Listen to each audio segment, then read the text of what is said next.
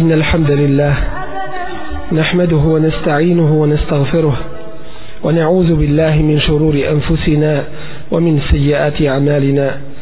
من يهده الله فلا مضل له ومن يضلل فلا هادي له. وأشهد أن لا إله إلا الله وحده لا شريك له. وأشهد أن محمدا عبده ورسوله. أرسله الله بالحق بشيرا ونذيرا بين يدي الساعة. من يطع الله ورسوله فقد رشد ومن يعص الله ورسوله فلا يضر إلا نفسه ولا يضر الله شيئا. أما بعد فإن أصدق الحديث كتاب الله وخير الهدي هدي محمد صلى الله عليه وسلم. وشر الأمور محدثاتها وكل محدثة بدعة وكل بدعة ضلالة ثم أما بعد فتنة to je arapska riječ a množina njena je fiten što znači iskušenje što znači ispit što znači isto tako smutnja i nered u određenom vremenu.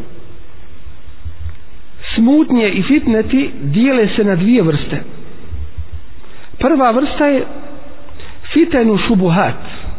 To su smutnje i iskušenja u šubhama u stvarima koje su nejasne u stvarima koje su dvosmislene a vezane su za vjerovanje i ubjeđenje. Od toga su razna neispravna i neutemeljena vjerovanja ili ubjeđenja ili mišljenja ili pretpostavke razne sumnje u vjeri i tako dalje. I to mnoge ljude vodi i dovodi i odvodi na krivi put dakle razna kriva neispravna i neutemeljena ubjeđenja i vjerovanja. Druga vrsta fitena ili fitneta ili iskušenja i smutnji dešava se u šehevatima. I to se zove fitenu šehevat a to je u ljudskim protjevima i strastima. Jedna iskušenja bivaju u pogledu čovjeka samoga i njegovoga imetka i njegovoga poroda. U čemu čovjek kada mu se to dadne biva iskušavan. A druga vrsta biva u smutnjama nemorala otkrivanja i razgoličavanja žena kamata pijenja alkohola i trošenja droga i korištenja njihovog svake vrste grijeha i nereda i onoga što je ovom vjerom zabranjeno. Od toga je i širenje neistinitih vijesti potvore i laži prenošenje takvih vijesti od toga je loše mišljenje o bratu muslimanu napuštanje muslimana u vremenu potrebe i od toga je uopšteno govoreći slabost u vjeri. Allahu poslanik sallallahu alejhi ve sellem upozorio je svoj ummet na razne fitnete i na razna iskušenja koja će se zadesiti koja će se desiti nakon njega. Pa je rekao alaihi sallatu wasalam u poznatom sahih hadisu men jaiš minkum fa sayara ihtilafan htilafen ko poživi od vas ili među vama naići će na mnogo brojna razilaženja. Dakle obavještava nas o nečemu što će se u budućnosti desiti. I to je istina i to se neminovno desilo i dešava do sudnjega dana. Fa alejkum bi sunneti a zatim nas upućuje i ukazuje nam na izlaz iz tih iskušenja. Od čega je i ovo iskušenje razilaženja među među muslimanima. Pa kaže alaihi sallatu wasalam fa alaikum bi sunneti. Pa se držite moga sunneta. Wa sunneti l'hulafa ir rašidine el mehdijine min ba'di. I sunneta ispravnih upućenih halifa nakon mene. Addu alaiha bin nevađiz čvr, čvrsto ih set ih sunneta držite to jeste u doslovnom značenju zagrizite za njih čvrsto svojim zubima očnjacima. To jeste čvrsto i se držite. U drugom sahih hadisa od Allahovog poslanika sallallahu alaihi ve sellem spominju se ta iskušenja i smutnje da, da su predznak sudnjega dana. Gdje kaže Allahu poslanik alaihi sallatu ve sellem je zaman približit će se vrijeme to jeste skratit će se vrijeme brzo će prolaziti vrijeme. O je qillul amel i smanjit će se rad to jeste ljudi će malo raditi. Upravo ono što bi trebali da rade neće da rade. Wa yulqa shuhu i među ljude će se ubaciti e, škrtost sebičnost. Wa teksuru i namnožit će se eukale ili je rekao tazharu pojavit će se el fitenu. Mnogobrojne smutnje i mnogobrojna iskušenja. Nesumnjivo da uz te smutnje i uz ta iskušenja dolazi i fesad što ukazuje na bliskost pojave i dolaska smaka svijeta i sudnjega dana. Allahu poslanik sallallahu alejhi ve sellem je upozoravao na mnogobrojna iskušenja i smutnje svoj ummet i često je tražio utočište kod Allaha te bareke ve taala od smutnji i od iskušenja. Allah te bareke ve taala upućuje govor prvoj generaciji ovoga ummeta ashabima Resula sallallahu alejhi ve sellem wa radijallahu anhum upozoravajući ih na iskušenja i smutnje. A to je opomena i onima koji dolaze nakon njih. Allah tebareke ve taala kaže wattaqu fitnatan la tusibanna alladhina zalamu minkum khassa wa'lamu anna Allaha shadidul iqab. I bojte se iskušenja i smutnji koje neće zadesiti samo one među vama koji, koji su nepravdu učinili. I znajte da Allah žestoko kažnjava. Poznat islamski učenjak Mufesir Ibn Kathir rahimahullahu ta'ala komentarišući ovaj ajet kaže هذه الآية وإن كان المخاطب بها هم صحابة رسول الله صلى الله عليه وسلم لكنها عامة لكل مسلم لأن النبي صلى الله عليه وسلم كان يحذر من الفتن ovaj ajet iako je upućen ashabima Allahovog poslanika sallallahu alaihi ve sellem on je ipak uopštenog značenja zato svakom muslimanu upravo zato što je Allahov poslanik sallallahu alaihi ve sellem upozoravao svoj ummet na mnogobrojna iskušenja i smutnje.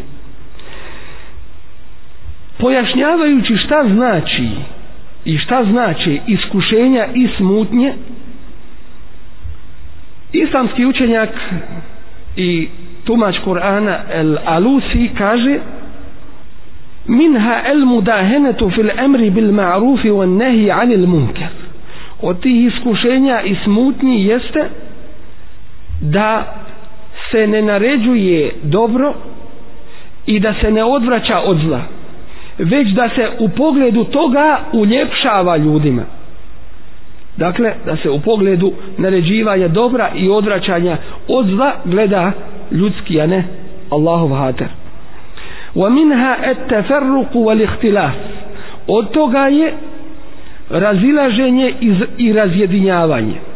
Svakako razjedinjavanje i razilaženje u, u vjeri što za sobom povlači svako drugo razilaženje a svakako se to odnosi na razilaženje i odvajanje i podvajanje od izvorne vjere a ne odvajanje od od novotarija i neispravnosti wa minha tarku al-inkari 'ala al-bid'a idha zaharat od tih fitneta od smutnji iskušenja jeste ostavljanje zabranjivanja i sprečavanja bid'ata i novotarija koje se pojave među ljudima.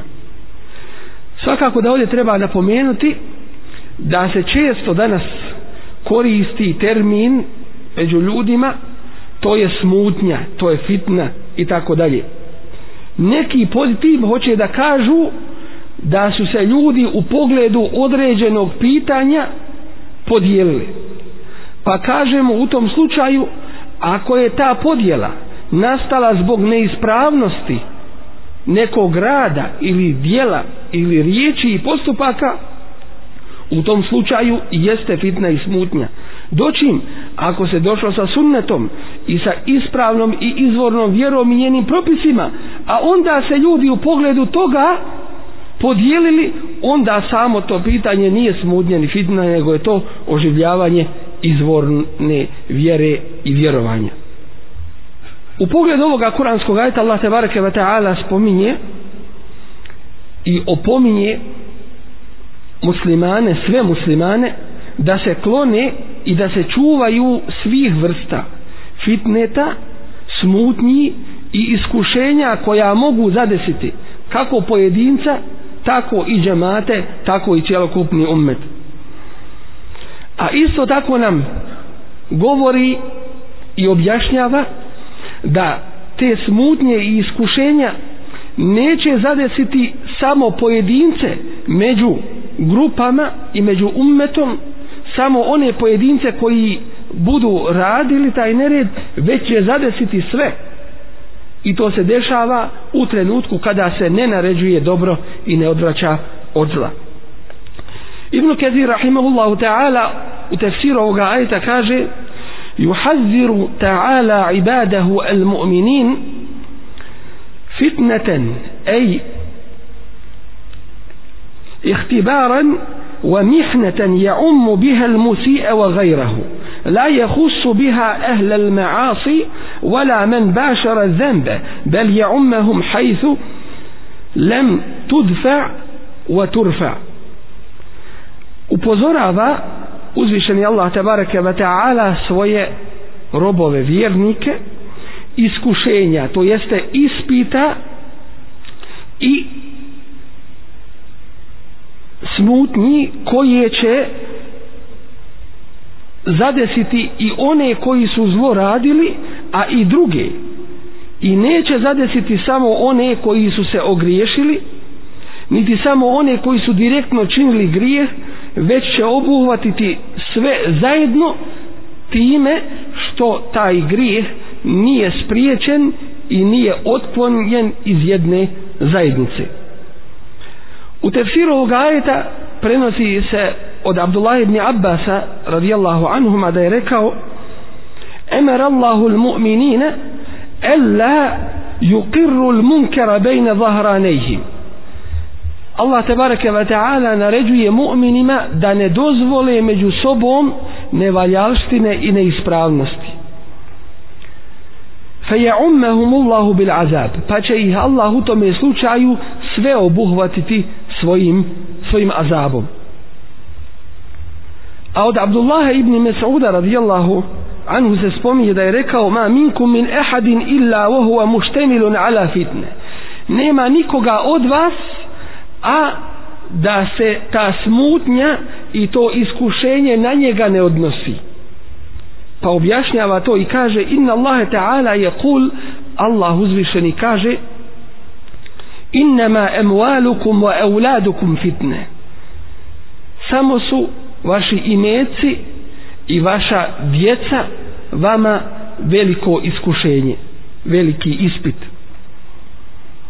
فأيكم استعاذ فليستعذ بالله من مضلات الفتن pa god od vas bude, bude tražio zaštitu i utočište neka traži utočište kod Allaha od zabluđujućih smutnji i iskušenja i zaista kada vidimo među ljudima dešava se da čovjek strada zbog svoje naklonjenosti svome djetetu u stvarima koje su suprotne Allahovoj te bareke ve ta'ala vjeri njegovim propisima. Dešava se da čovjek strada zbog svoga imetka koji mu je Allah te bareke ve taala dao. Zato što je taj imetak uzeo kao sebi cilj i svrhu u svome životu na ovome svijetu. I ko je od nas od tih svih iskušenja izuzet? Hudejfe ibn Ljeman ashab povjerenik Allahovog poslanika sallallahu sallam kojem je Resulullah alaihi sallam povjeravao svoje tajne rekao je jednom prilikom u svome kazivanju kojeg bilježi imam Ahmed in kana ar-rajulu la yatakallamu bil kalimati ala ahdi rasulillahi sallallahu alejhi ve sellem fa munafiqa. Dešavalo se u vrijeme Allahovog poslanika sallallahu alejhi ve sellem da bi neki čovjek progovorio neku riječ kojom bi postao munafik licemir وإني لأسمعها من أحدكم في المقعد الواحد أربع مرات a ja to čujem od vas govori već tabinima a ja to čujem od vas četiri puta na jednom mjestu لتأمرن بالمعروف ولا تنهن عن المنكر ili ćete naređivati dobro a odvraćati od zla ولا تحاضن على الخير ili ćete navoditi na svako dobro ev le yushitennekum Allahu jami'an bi azab ili će vas Allah sve dohvatiti svojom kaznom azabom eula ju yuemmiranne alejkum širarekum ili će među vama postaviti da vas vode i predvode najgori među vama summe jed'u hijarukum fela yustajabu lekum a onda će najbolji među vama da mole i dove Allahu te bareke ve taala ali neće im to biti prihvaćeno. Ummu Selema radijallahu anha pitala je Allahovog poslanika sallallahu alaihi ve sellem kada ga je čula iza zaharat il ma'asi fi ummeti annahum Allahu bi azabim min indihi. Kada se prošire grijesi među mojim ummetom Allah tebareke ve ta'ala će ih sve dohvatiti ili obuhvatiti svojim azabom. Pa mu je rekla ja Rasulallah ema fihim unasun salihun. Allahu poslaniće zar među njima nema dobrih ljudi? Kale bela odgovorio joj ima. Kale fe kejfe jasna u ulaik šta će biti sa njima? A on joj odgovori kale yusibuhum ma asaben nas i njih će zadesiti ono što će zadesiti ostale ljude thumme jasirune ila magfirati min Allahi wa ridwan a zatim idu ka Allahovom oprostu i njegovom milosti. Dakle i oni će biti zahvaćeni tim azabom i oni koji nisu direktno u njemu učestvovali ali ako se nije naređivalo dobro i odračalo od zla ili ako je prevladalo zlo u tome slučaju onda će stradati na ovome svijetu i oni dobri. U više rivajeta se spominje objašnjenje ovoga što spominje imam imam Ahmed i kaže u jednome ma min qawmin ya'maluna bil ma'asi neće biti nijedan narod koji radi grijehe wa fihim rajulun a'azzu minhum wa amna. A među njima ima čovjek koji je snažniji od njih i čija se riječ čuje i sluša la yughayyiruhu ali on ne otklanja te grijehe illa annahumullahu bi'iqabin aw asabahum al'iqab a da ih Allah neće zadesiti ili dati im svima svoju kaznu ili spustiti na njih svoj svoj azab. A u drugom rivajetu ma min qaumin ya'maluna fihim bil ma'as yu'malu fihim bil ma'asi. Među bilo kojim narodom da se desi i da se prošire grijesi hum a'azzu wa aktharu mimman ya'malun. A većina je onih koji ne rade ti, te grijehe. ثم لم يغيروه ali oni to ne spriječavaju illa annahumullahu bi'iqabin a da ih Allah neće zadesiti zadesiti svojom kaznom Dakle, kada budu uradili grijehe, neminovno će kazna pasti na sve da nas Allah tabarak wa ta'ala sačuva toga.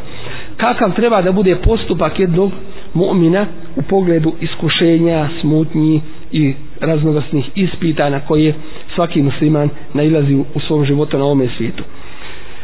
Potrebno je da se svi obskrbe da se svi obskrbe izvornim šerijatskim ispravnim znanjem kako ne bi u tim iskušenjima i smutnjama pali na tome ispitu. A ono što je još teže i gore od tih griha jeste to što ljudsko srce je prevrtljivo tako da ih da ga ti grijesi mogu navesti na ostavljanje mnogobrojnih dobrih dijela i na prihvatanje i rad po mnogobrojnim grijesima. Dakle, korisno, ispravno, izvorno znanje. Zatim, ispravna, izvorna akida i vjerovanje onako kako su to vjerovale prve generacije ovoga ummeta i pridržavanje islamskih izvornih učenjaka kroz generacije ovoga ummeta koji su govorili sa dokazima iz Kur'ana iz hadisa Allahovog poslanika sallallahu alaihi ve sellem u pogledu svih iskušenja i smutnji i i mnogobrojnih e, nereda koji se pojavljuju na zemlji treba musliman da traži zaštitu kod Allah te bareke ve taala od svih njih i od njihovog zla zatim da odvraća ljude od tih svih zala i od nevaljalština i od, i od grijeha.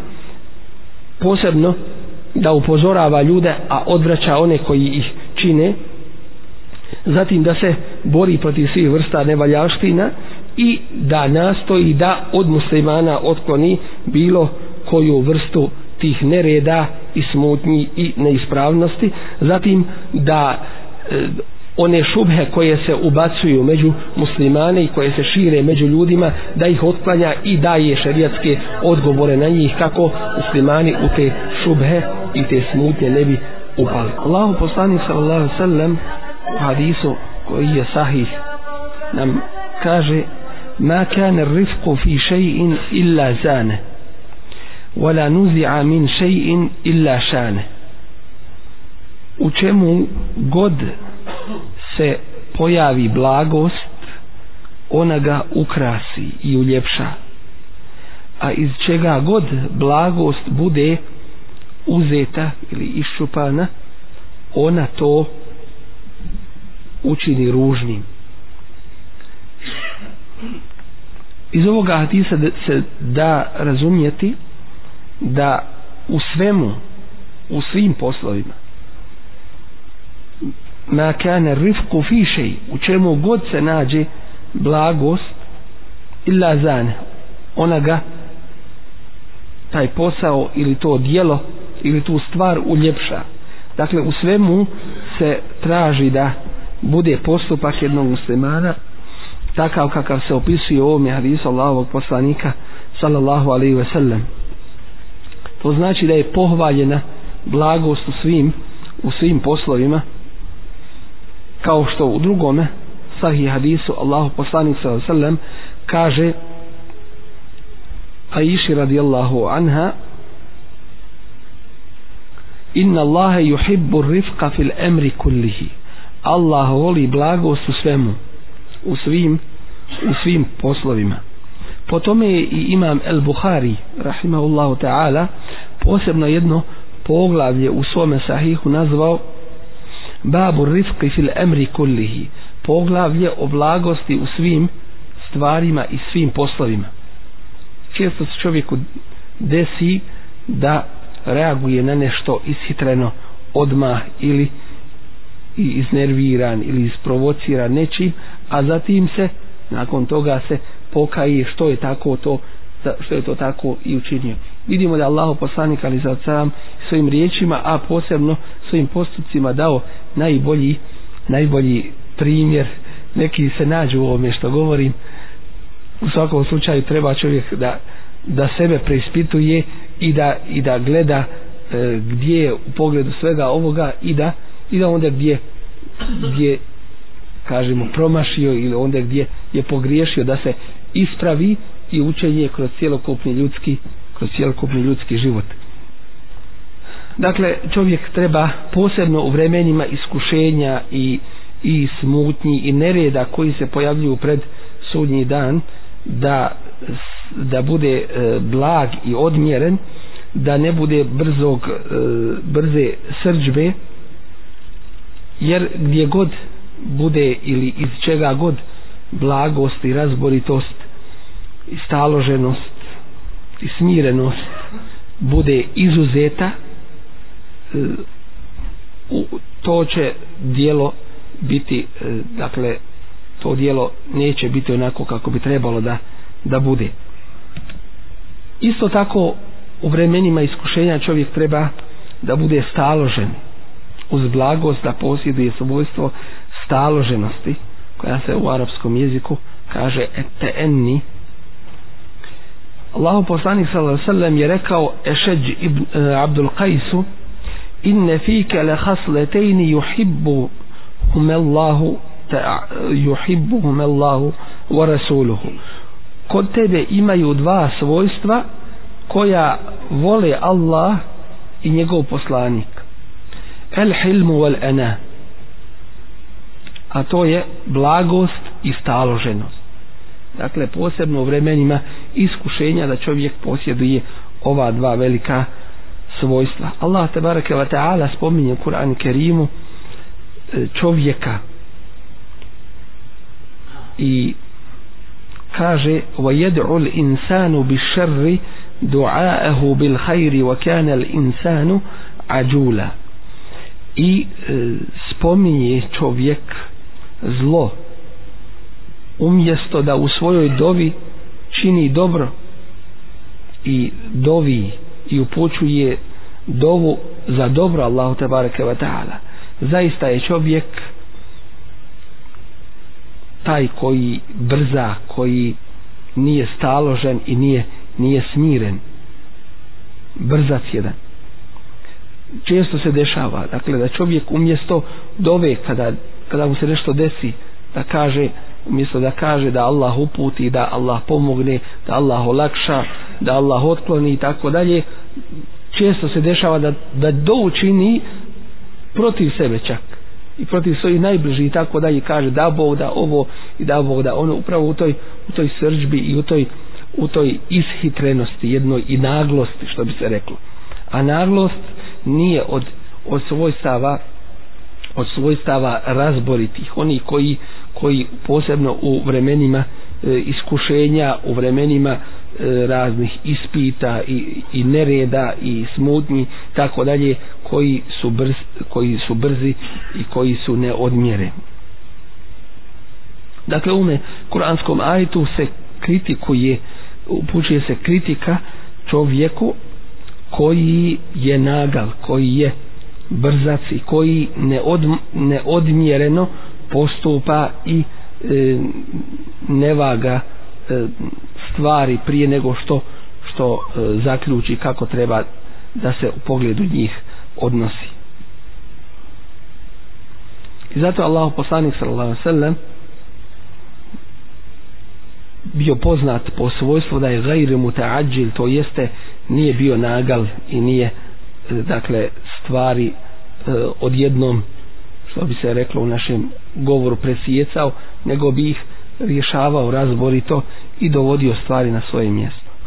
I treće svojstvo koje treba da se nađe kod jednog muslimana, posebno u vremenima iskušenja, jeste e, razboritost pored blagosti i, i smirenosti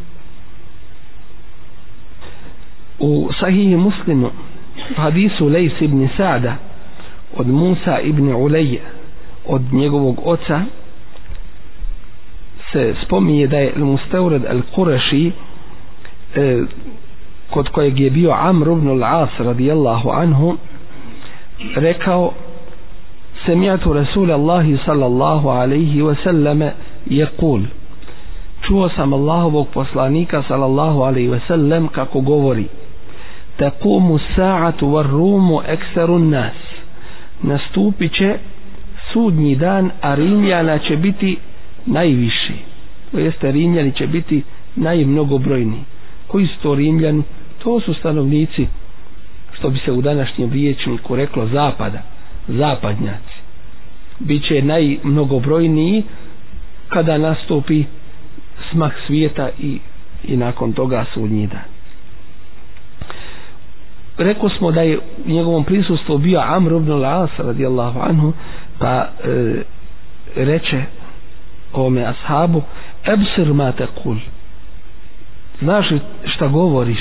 Kale vama li la ekule ma kalehu Rasulullah sallam a zašto da ne govorim ono što je rekao Allahu poslanik sallallahu sallam kale in kane kezalik. A onda mu Amr ibn al-As reče a Amr ibn al-As se smatra kao da je mudrac Arapa po njemu se navodi primjer mudrosti među Arapima. Pitao, pitao jednom prilikom znate za taj slučaj Muaviju radijallahu anhu a bila su njih dvojica sami. Kaže ko je najmudriji među Arapima? Svakako Muavija kaže ja sam najmudriji. A onda mu Amr ibn As nagije se njemu kao da mu nešto kaže potajno kaže ja sam mudri od tebe. Kaže kako? Pa govorim ti potajno nema nikoga kod nas.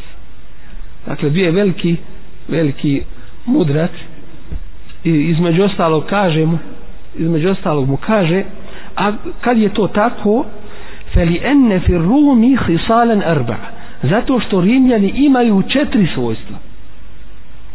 Dakle to se odnosi na stanovnike zapada do kijametskog dana. Koja su to svojstva koja oni imaju? Pa reče prvo svojstvo ennehum ahlemu nasi indel fitne.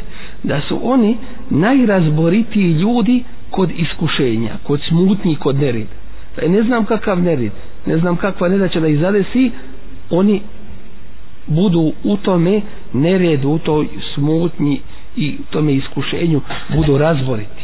Dakle ne rješavaju stvari odjednom nego ih proučavaju rješavaju sukcesivno temeljito što bi se što bi se što bi se reklo.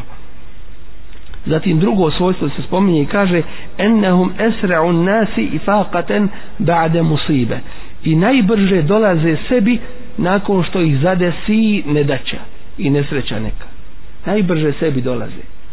Dakle ponovo najbrže staju na noge. To, to, su, to su neka njihova svojstva i spomenuje i ostala. Dakle u ovome kazivanju nas e, najviše ovo interesuje a to je kako spominju e, islamski učenjaci da je upravo mudrost njihovog m, opstanka dopred sami smak svijeta do kijameskog dana e, mudrost toga što su oni najbrojniji upravo ova svojstva koja su pri njima a to je razboritost prilikom iskušenja i brzo sebi dolaze kod musibeta i kod nedaća. I to ih upravo čuva i to upravo e, biva uzrokom da se gubici njihovi prilikom iskušenja, prilikom musibeta i tako dalje, da, da ne bivaju veliki. Zato što su e, u tom, u takvim stanjima razboriti i ne, ne rješavaju e, ishitreno i na brzinu stvari i samim tim kod tih iskušenja i smutnji i nereda jednostavno sačuvaju i sebe i svoj i svoj e, narod tih iskušenja i posljedica tih e, iskušenja. A svakako da smo mi kao muslimani najpreći u vremenima raznih iskušenja i nereda i smutnji da posjedujemo to to svojstvo razboritosti i i blagosti i i smirenosti i dakle dovođenja stvari na svoje mjesto drugo što treba znati prilikom iskušenja jeste da se ne donosi sud o nečemu osim nakon što se to u potpunosti shvati i što se to pitanje, dotično pitanje oko kojeg su se ljudi podijelili, razumije. Jer Allah te bareke ve taala kaže u Kur'an Kerimu: "Wala taqfu ma laysa laka bihi ilm." I ne reci ono o čemu ti nemaš znanja. A posebno u tim vremenima i tim situacijama u kojima dolazi do promjene stanja među ljudima, dolazi do raznih iskušenja i nereda, u tom slučaju se često dešava da ljudi govore nešto ili mnogo toga ne znajući E, ne znajući stvarnost toga u stvari prenose samo ono što su drugi e, rekli ili drugi opet prenijeli. Dakle čovjek se posebno u takvim situacijama treba čuvati da ne bude od onih koji govore u takvim smutnjama i neredima po, a kamoli da bude predvodnik toga i onaj koji se i koji se slijedi i onaj koji daje presudu u dotičnim u dotičnim e, iskušenjima. Jedno veliko pravilo u usuli fiku kod nas postoji a ono glasi el hukmu ala šeji fer'un an tasavurihi da bi se presudilo o nečemu ili u pogledu nečega treba poznavati tu stvar. Ili presuda u pogledu nečega je ogranak od predstavljanja dotičnog pitanja. Drugim riječima ako dotično pitanje iz korijena ne poznaješ i problematiku iz korijena nisi upoznao i obuhvatio njene njene ogranke u tome slučaju nisi kadar ni donijeti sudu u, u pogledu dotičnoga u pogledu dotičnoga pitanja navešćemo jedan jednostavan i, i lahak primjer. Recimo ako bi neko postavio pitanje šta islam kaže u pogledu jedne vrste trgo, trgovine koja se zove bej'ul murabeh bej'ul murabeh ta riječ ili taj izraz u arapskom jeziku znači bej' znači kupo prodaja a murabaha znači sa zaradom. Ako čovjek ne zna o čemu se radi odmah će donijeti sud i reće dozvoljena je. Trgovina i uspostavlja da bi čovjek zarađivo i gotovo. Doćim to je u osnovi pogrešan sud i netačan i neispravan. Zato što je čovjek donio taj sud na osnovu samo jezičkog značenja toga izraza pa danas ćemo čut da i kamate u nekim mjestima zovu fa, faiz to jeste dobit i tako dalje. Dakle čovjek mora poznavati suštinu dotičnog pitanja da bi mogao da bi mogao donijeti sud u pogledu njega. Kad su već spomenuli ovo pitanje o čemu se radi u pogledu ove meseli el murabaha to je vrsta trgovine koja nije dozvoljena. O čemu se radi? To upotrebljavaju neke banke koje sebe nazivaju islamskim i neke neislamske banke isto tako praveći smicalicu ili izbjegavajući šerijatske zakone na taj način u pogledu kamata a to se ogleda u tome da čovjek jedan nije u stanju da kupi nešto što želi kupiti. Pa onda obeća drugoj strani koja ima sredstva da to kupi obeća joj da ona to kupi a on će vremenom od nje to da da otkupi. On će vremenom to od nje da da otkupi i onda se taj njihov ugovor zasniva na obećanju koje je nužno da se mora izvršiti. A u stvari to je vrsta samovarki drugim riječima ovdje se banka ili dotična osoba pojavljuje kao osoba koja daje sredstva da bi da bi dobila na rate veću svotu od toga. Dakle jedan vid jedan vid praktično kamata koji je koji je na neki način pokušalo se da da se da se nekako izbjegne taj naziv ili da se e, da se ne primijeti da su kamate u biti jesu kamate zato što ona koji ima sredstva nema želje da kupi dotičnu stvar ili, ili da uđe u dotičnu trgovinu već je ušao u to zato što ima neko ko, ko želi da kupi i ko će njemu plaćati u odgođenim ratama veću svotu i na taj način on vidi, vidi svoju zaradu i vidi svoj interes. Dakle, čovjek ako ne poznaje dotičnu stvar i ako samo iz jezičkog toga značenja pokuša da zaključi o čemu se radi, često se dešava da će pogriješiti tako i pogledu raznih drugih e, pitanja tako da čovjek mora biti vrlo oprezan u pogledu onoga što govori i u pogledu onoga u pogledu čega donosi svoj sud.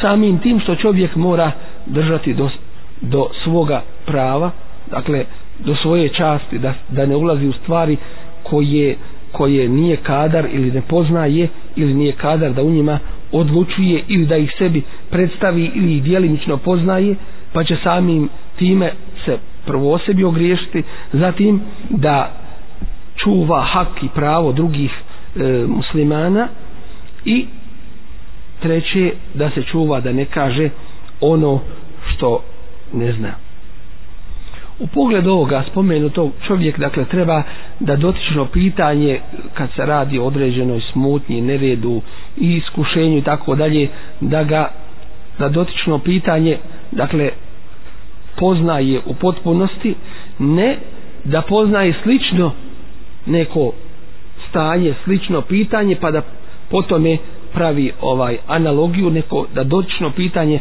tačno poznaje i drugo da poznaje hukum šarijata u pogledu toga dotičnog pitanja. Kako čovjek da poznaje kako čovjek da zna u dotičnom e, vremenu i dotičnom e, mjestu e, šta je ispravno i da potom je zaključak ovaj donese a šta ne prvo treba čovjek da poznaje vakija i da poznaje stvarnu situaciju o kojoj se i u vezi koje se i, e, i radi. I drugo da mu to prenesu osobe koji su potpunosti pravedni i na koje se može i na čije se riječi može može e, osloniti tako da u tim vijestima koje se slušaju nema nikakvih nema nikakvih um, sumnji niti polovičnih informacija niti dezinformacija niti neprovjerenih stvari i tako dalje. Kako ne bi čovjek zagazio u grije posebno kod dakle pojave fitneta raznih iskušenja i tako dalje nije dozvoljeno muslimanu da se oslanja na riječi nevjernika. Često se dešava dakle kod velikih e, događaja da se slušaju razne e, razni komentari raznim televizijskim kanalima, radio programima, raznim časopisima, novinama i tako dalje. Dakle, komentari oni koji se dokazali da da su otvoreni neprijatelji islama i, i nisu nikako ni muslimani i na osnovu toga čovjek donosi zaključak i sud u određenom pitanju što je svakako što je svakako opasno i, i neispravno. Jer e, propis je in ja'akum fasiqun bi naba'in fatabayyanu. Ako vam musliman griješnik dođe sa kakvom vješću onda vi to provjerite. A kamo li ako vam dođe neko ko vama uopšte ne pripada to jeste ako vam dođe neki ako vam dođe neki nemusliman. Zato je to tu velika opasnost dakle posebno u vremenima iskušenja smutnje i nereda čovjek se oslanja na riječi i vijesti nevjernika jer iako one dijelimično nose u sebi i istine i može biti jedan veliki dio istine u sebi te vijesti nose iako možda musliman te vijesti ne bi čuo od muslimana na taj način i tako jasno i tako otvoreno ali oni imaju svoj cilj a to je ako recimo jedan veliki dio tih vijesti govori istinu ubacit će se u te vijesti jedan dio neistine koji ima za cilj određeni rezultat da postigne među, među muslimanima. Zato čovjek treba da bude i, i oprezan. Posebno kada se radi o donošenju šerijatskog kuma dakle posebno kada se radi o donošenju šerijetskih propisa koji su vezani za dotično pitanje. Čovjek to posebno mora dakle da da bude provjerenih informacija i mora da zna na čemu gradi i zasniva i zaključuje taj šarijatski hukum. Poznato nam je da hadisi Allahovog poslanika sa sallam, a poznato je ko je Allah poslanik i poznato je da su njegovi hadisi u stvari izvor ovoga šarijata nakon Kur'ana Kerima. Oni se ne primaju ako dođu sa e, od strane e, ljudi koji su neprovjereni. Ako se u rivajetu dotičnog hadisa spomene i kaže prenosi se od nekog čovjeka nije ispravan taj hadis i on se ne prihvata i po njemu se ne radi zato što ne znamo o kojem čovjeku se radi niti znamo njegovo niti znamo njegovo stanje isto ako se radi recimo čovjeku kojeg znamo ali taj čovjek je griješnik dakle a zna se šta je griješnik zna se šta su grijesi dakle otvoreno radi grijehe, neispravne stvari i tako dalje. Bilo, bilo koje vrste. Recimo, zna se da radi sa kamatama, zna se da da ovaj zna se da ne drži do namaza, zna se da e, recimo ne drži do halal i, i metka i tako dalje. Dakle, fasi bilo koje vrste. Ne prima se od njega ni hadis Allahovog poslanika ali za sam. Ili ako se radi o čovjeku koji miješa stvari. Dakle, reći će dio istine, ili reći će dio hadisa Allahovog poslanika ali za sam, a u njega će dolaz nešto od svojih riječi ne prima se taj govor isto tako ili se radi o čovjeku koji dobro ne pamti. Taj hadis je daif i automatski se na njemu ne gradi šarijatski hukum. Dakle u svim tim slučajima kada je situacija u pogledu hadisa Allahog poslanika ali sam sam ovakva kako je tek u pogledu govora drugih ljudi.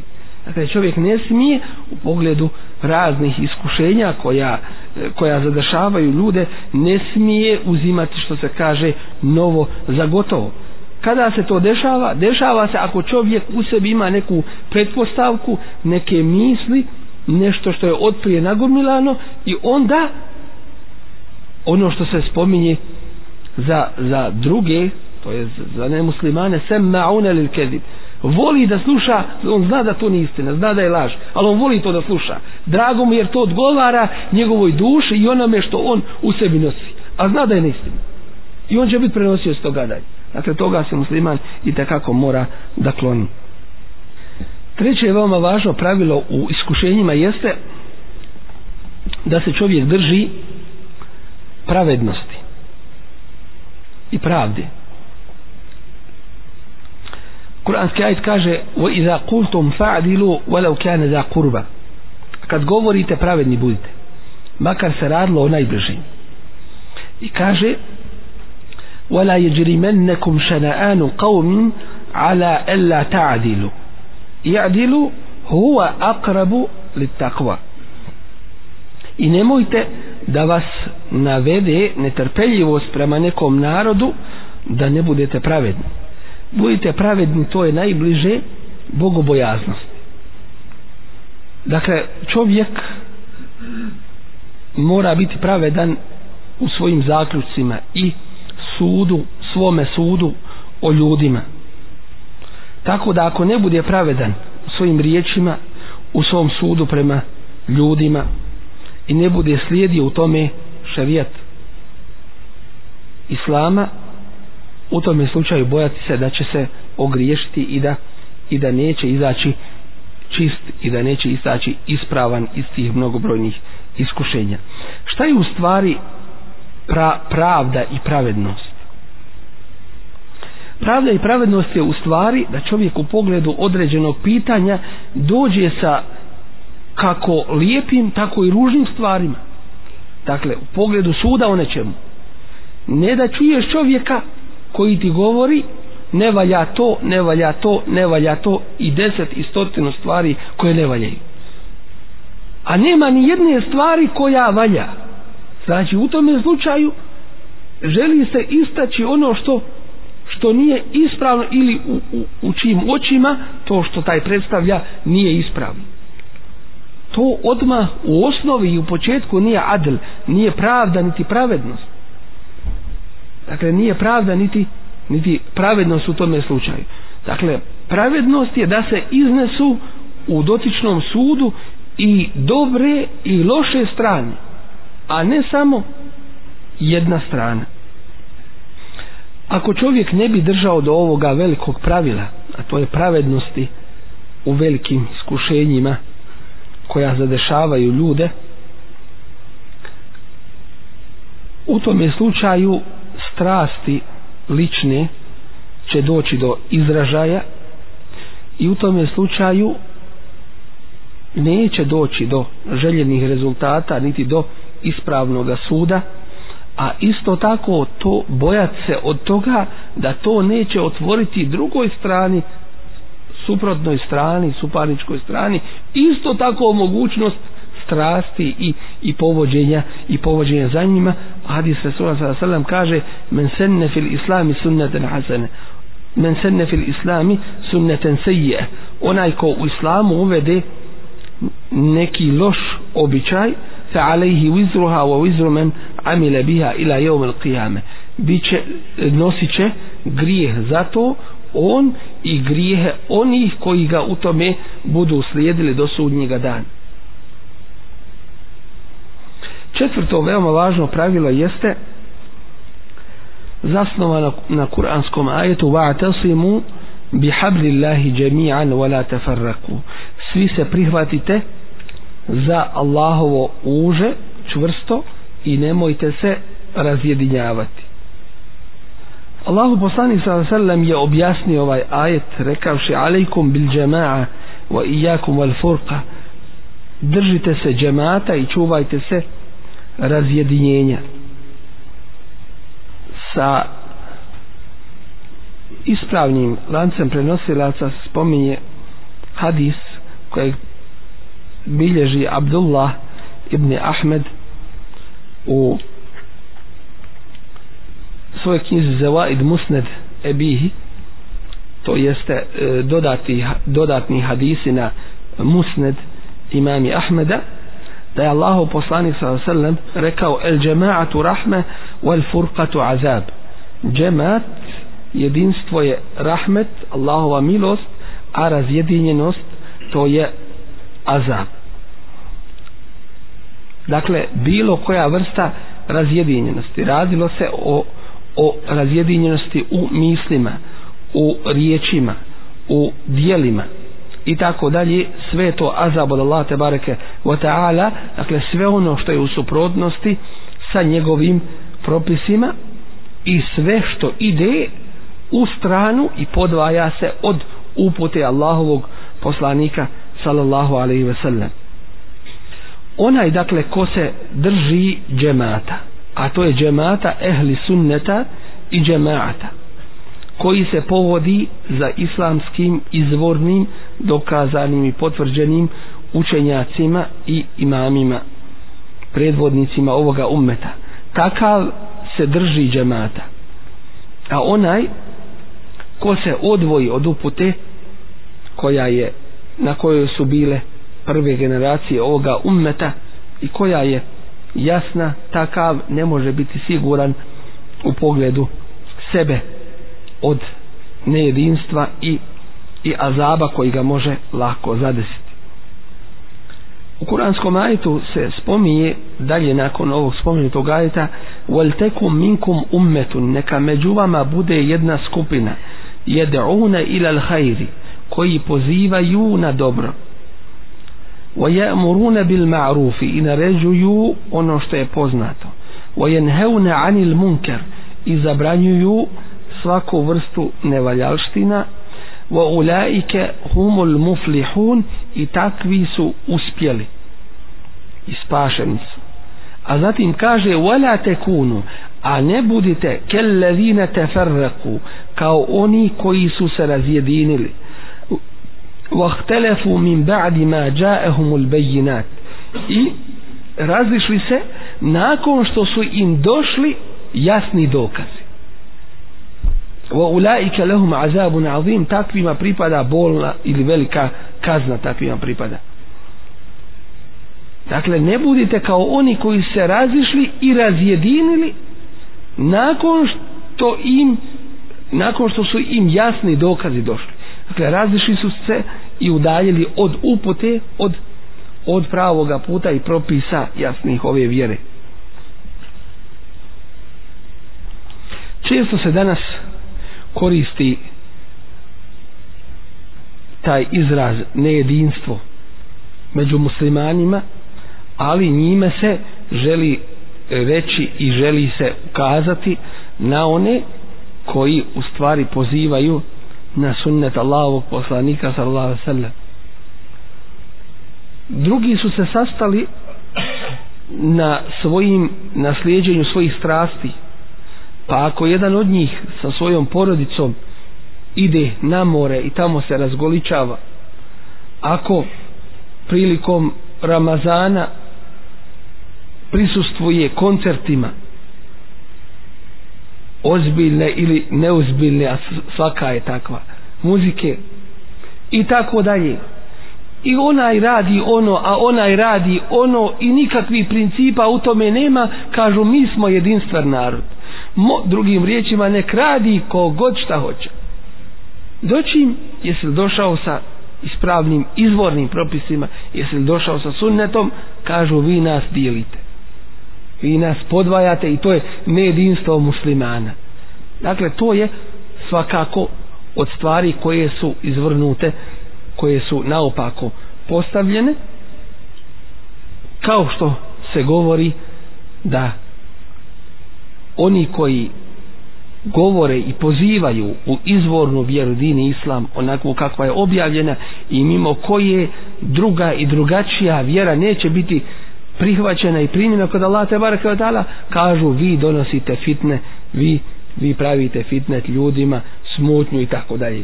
Doćim kad je sunnet kad su izvorni propisi kad je izvorna vjera bila smutnjom i fitnetom to je svatanje onih kod kojih je sunnet toliko zaboravljen da kad se dođe sa sunnetom kažu vi ste došli sa novotarijom. To je sa bidatom ne uzubilo Dakle, ovdje kada govorimo o džematu muslimana, govorimo o onima koji su na uputi Allahovog poslanika, sallallahu alaihi sallam, to jeste sljedeći njegov sunnet, onako kako Allah te bareke wa ta'ala je propisao u svojoj, u svojoj vjeri. Isto tako zaključak jednog muslimana u pogledu svega mora da bude mizanom i mjerilom ovoga šerijata. Allah te bareke wa ta'ala kaže za sunji dan وَنَضَعُ الْمَوَازِينَ القسط ليوم القيامة فلا تظلم نفس شيئا i postavit ćemo pravedne pravedne vage i mjere na sudnjem danu i nikome neće nepravda biti učinjena dakle da čovjek mjeri ono što se dešava mizanom i mjerilom ovoga ovoga šerijeta.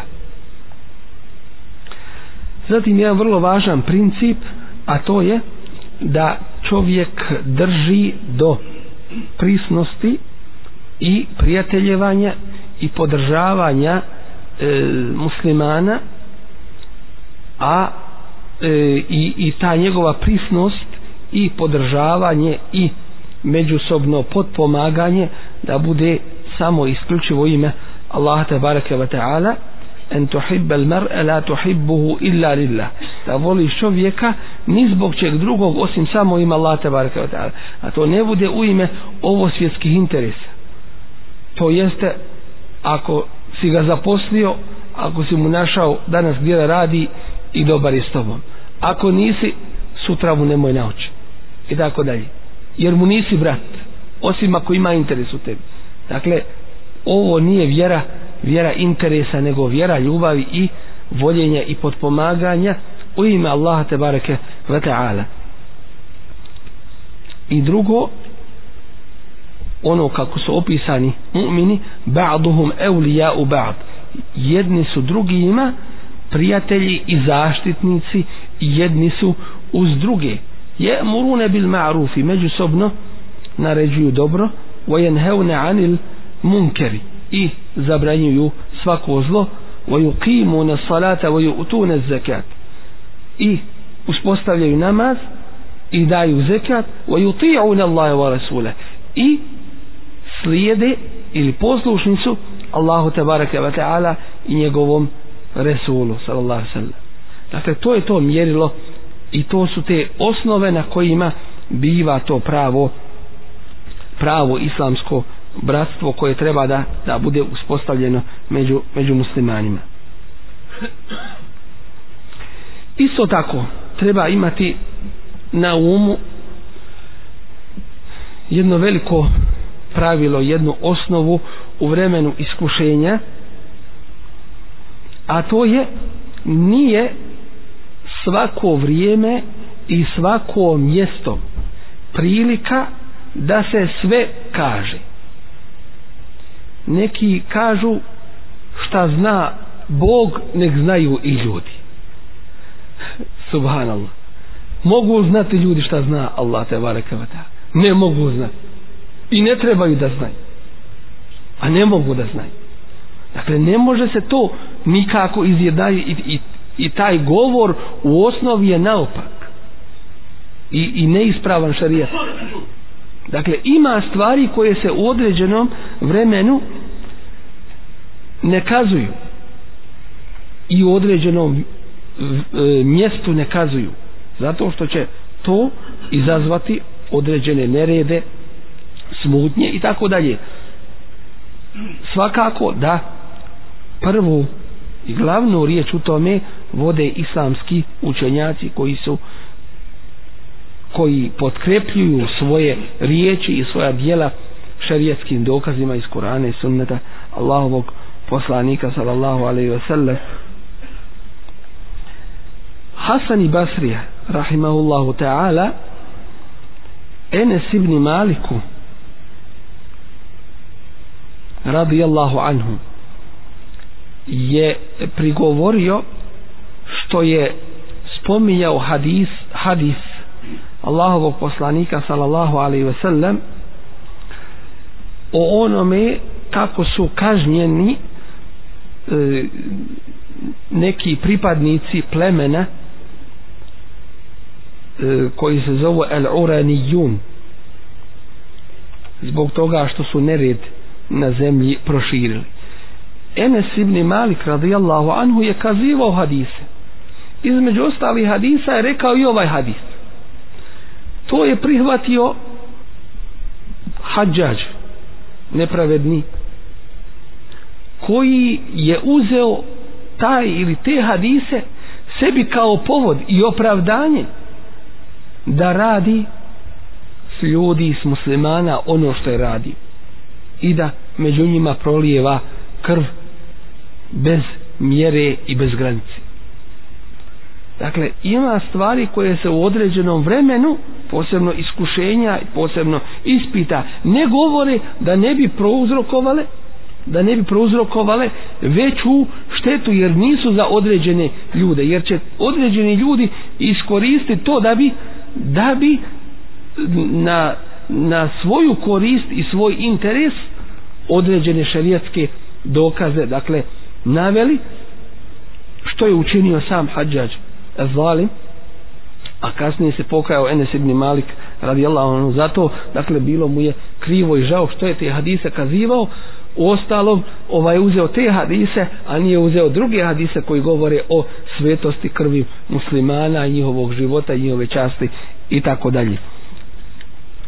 Allahu poslanik sa sellem kako bilježi imam El Buhari u svome sahihu spominje da je rekao Allahu poslanik sa sellem leula hadzanu qaumika bi kufrin. Aish radijallahu anhu je radijallahu anha je rekao da tvoj narod nije skoro izašao iz kufra. To jeste kurejšije nakon oslobođenja Mekke. Lehedemtu l'kabe ja bi srušio kabu wa lebenejtuha ala kavaide Ibrahim. Pa bi je sagradio na temeljima Ibrahimovim وَجَعَلْتُ لَهَا بَابَيْنِ i učinio bi da Kaaba ima dvoja vrata jedna na koja će se ulaziti a druga na koja će se izlaziti doćim to je spriječilo Allahovog poslanika sallallahu alaihi ve sellem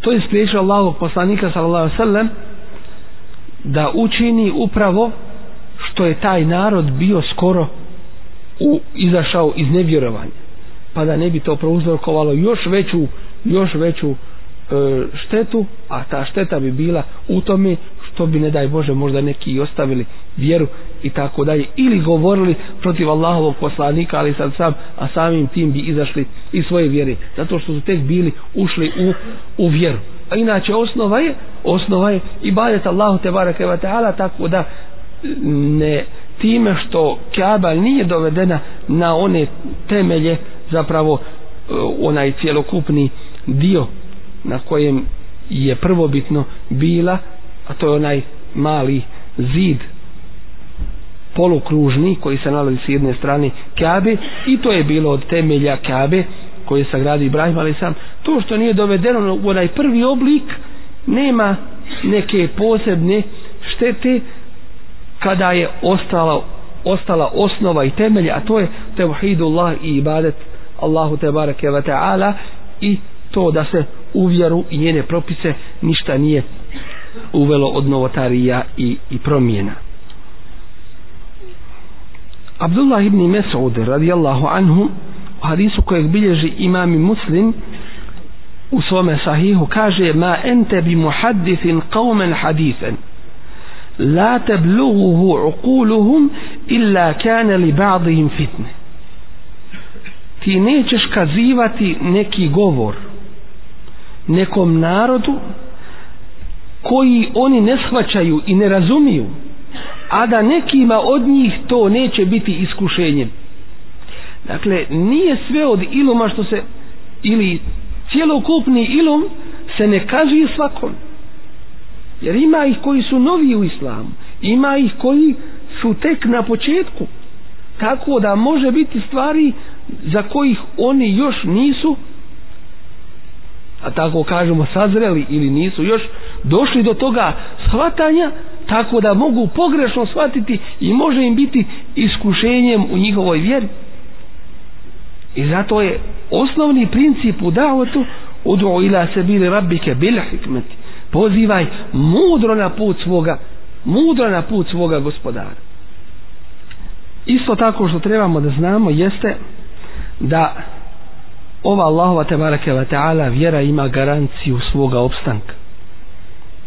I da je bilo kakva iskušenja i smutnje i neredi ne mogu ne mogu nauditi ova Allahova tebareke ve ta'ala vjera ima svoje izvore.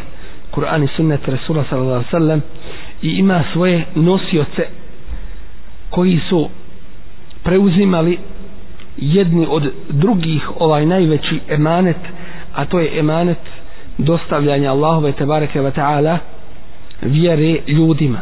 A najveću i najodgovorniju ulogu u tome upravo imaju islamski učenjaci izvorni ispravni islamski učenjaci koji se u hadisima Allahovog poslanika sallallahu alaihi sallam nazivaju waresatul anbiya da su nasljednici Allahovih vjerovjesnika.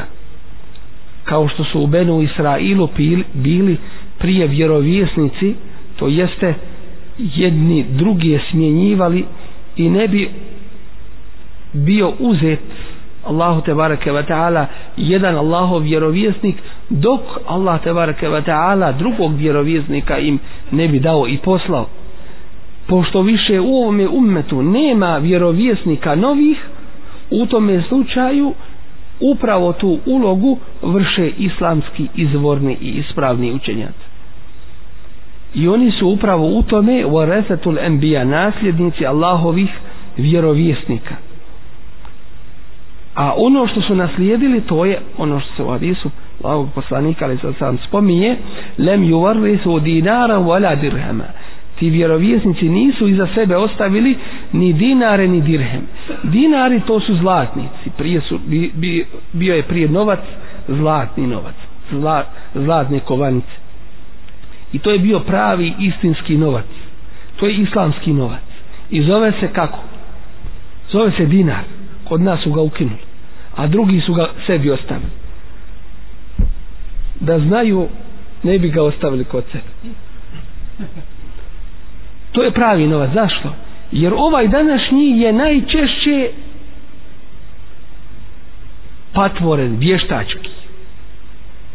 Jer ne znaš da li on ima svoje pokriće, potporu ili nema. I zato odjednom dođe do inflacije i tako dalje.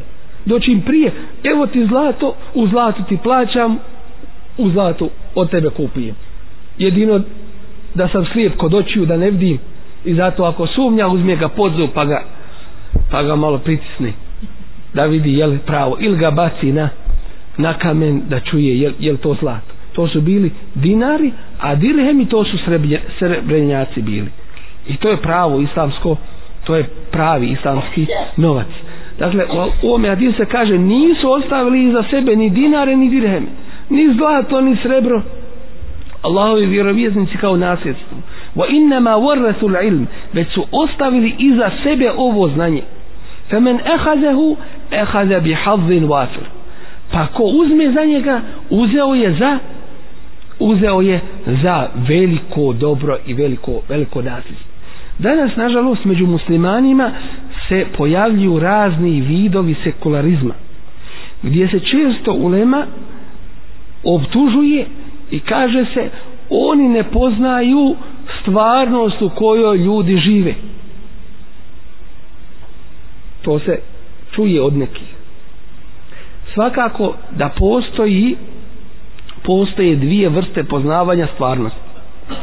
Jedna vrsta poznavanja stvarnosti i događaja jeste ona vrsta koju mora poznavati određeni učenjak muftija alim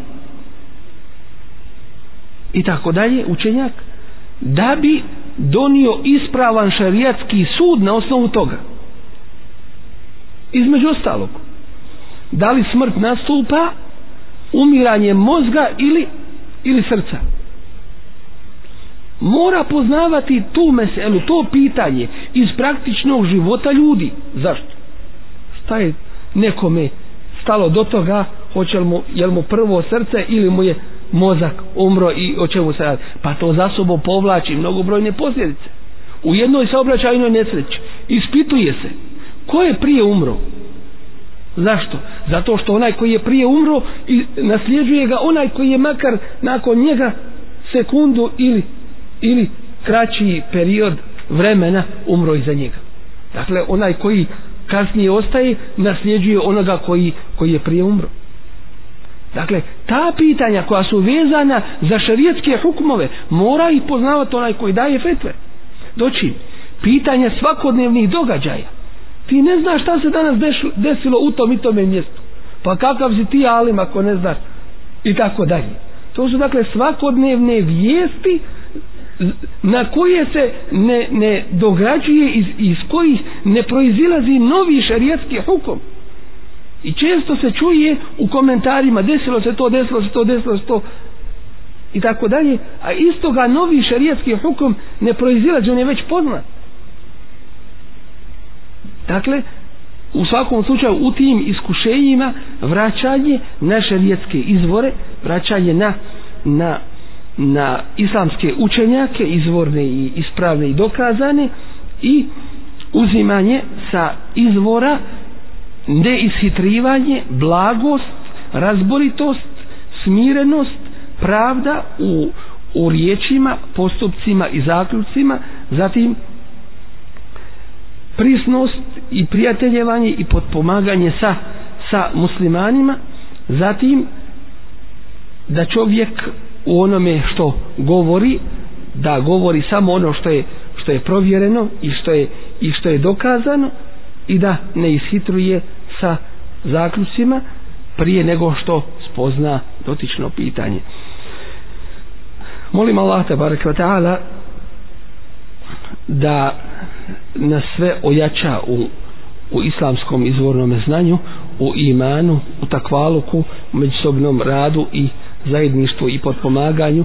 Molim Allah tabaraka wa ta'ala da nas učini od onih koji pouke primaju i po njima radi. Molimo ga tabaraka wa ta'ala da nas učini od onih sa kojima je on tabaraka wa ta'ala zadovoljni.